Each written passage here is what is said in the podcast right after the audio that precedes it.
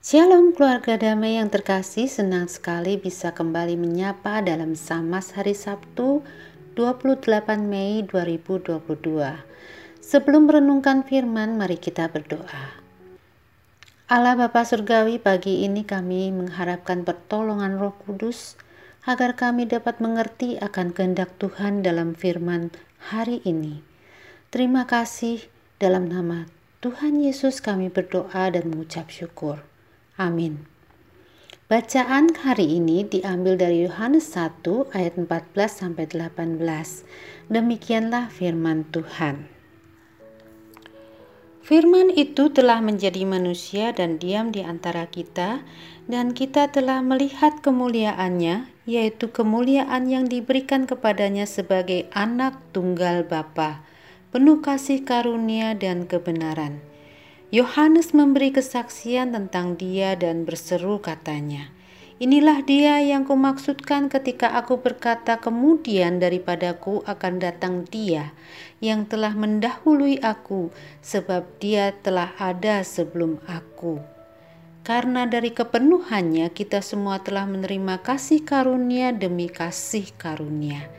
Sebab hukum Taurat diberikan oleh Musa, tetapi kasih karunia dan kebenaran datang oleh Yesus Kristus.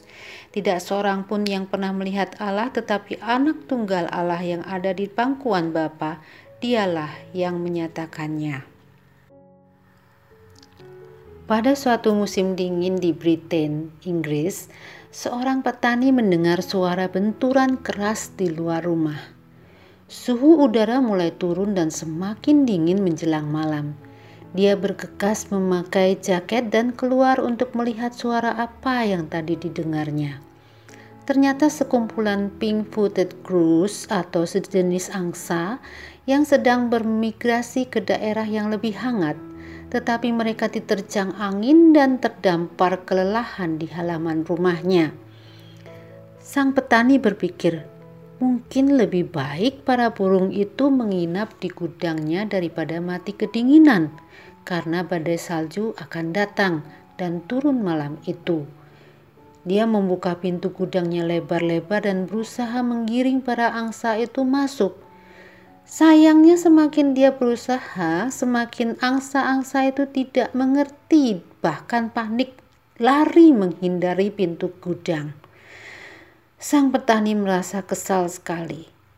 Dia berpikir seandainya dia bisa berbicara bahasa angsa atau berubah menjadi salah satu angsa itu untuk memberitahu bahwa lebih aman berada di gudang daripada diterjang badai. Seketika itu dia tersadar. Beberapa waktu sebelumnya dia mencemooh iman istrinya yang dianggapnya aneh. Masakan Tuhan Allah menjadi manusia?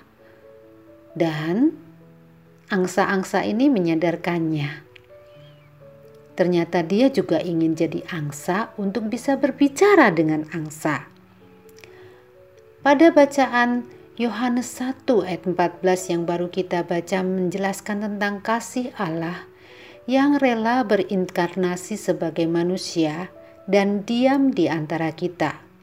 Sebuah tindakan inisiatif dari Allah untuk menjangkau manusia, karena manusia sangat terbatas pikirannya dan berdosa, sehingga tidak mampu mengerti dan mencari Allah serta kehendak Allah.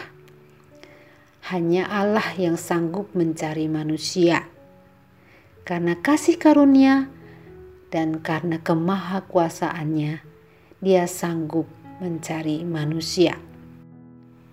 Injil Yohanes ini sangat indah menjabarkan karya penyelamatan Allah untuk manusia.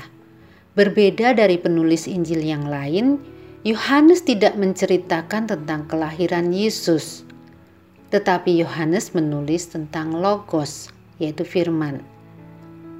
Firman itu adalah Allah sendiri, permulaan dari segala sesuatu, pencipta segala sesuatu, dan firman itu menjadi manusia. Hal ini sangat penting dan mendasar dalam iman Kristen yang menegaskan bahwa Yesus ada bukan waktu dilahirkan di Bethlehem, tetapi Yesus sudah ada bersama dengan Allah bahkan sebelum dunia diciptakan. Allah mengutus putra tunggalnya untuk menebus dosa manusia dan sebagai perantara untuk menyatakan kehendak Allah. Dalam hal ini iman Kristen berbeda dari agama lain di dunia. Kalau dalam kepercayaan lain manusia berusaha mencari Allah dengan kesalehan, perbuatan baik yang sifatnya transaksi.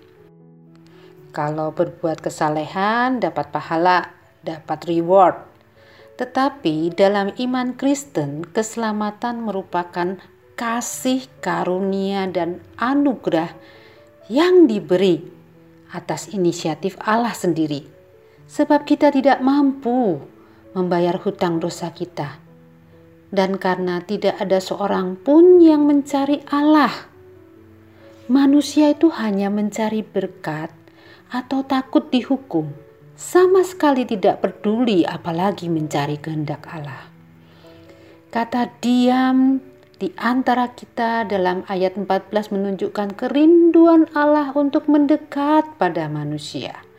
Hadir secara jasmani, logos sargeneto atau firman yang menjadi manusia dalam bahasa Inggrisnya flesh atau daging hidup di tengah-tengah kita dapat dilihat, dapat didengar, disentuh, yang tadinya di luar jangkauan pikiran manusia, kini menjadi nyata.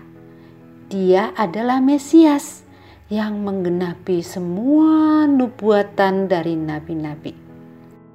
Selanjutnya di ayat 15 Yohanes Pembaptis bersaksi bahwa dia sudah melihat kemuliaan Yesus dan berseru, "Kemudian daripadaku akan datang Dia yang telah ada sebelum aku." Jadi Yohanes mengatakan bahwa Yesus ada sebelum dunia dijadikan. Dan secara khusus Yohanes Pembaptis diutus untuk membuka jalan bagi kedatangan Yesus yang berinkarnasi. Lalu Yohanes yang lain, yaitu murid Yesus, menuliskannya dalam Injil ini. Apa yang kita terima dari kepenuhan Allah adalah semata-mata kasih karunia demi kasih karunia, bukan usaha kita. Allah yang sangat tinggi, mulia, sehingga tidak ada seorang pun yang pernah melihat Allah. Jadi hanya Yesuslah yang dapat menyatakannya sehingga manusia dapat mengenal Allah dan kehendaknya. Yohanes menulis Injil yang sangat mendasar bagi iman Kristen ini, yaitu Allah yang penuh dengan kuasa kemuliaan dan tidak terlihat itu berinisiatif untuk datang kepada manusia, supaya supaya dapat menjangkau manusia dan memberikan keselamatan bagi orang yang percaya kepadanya.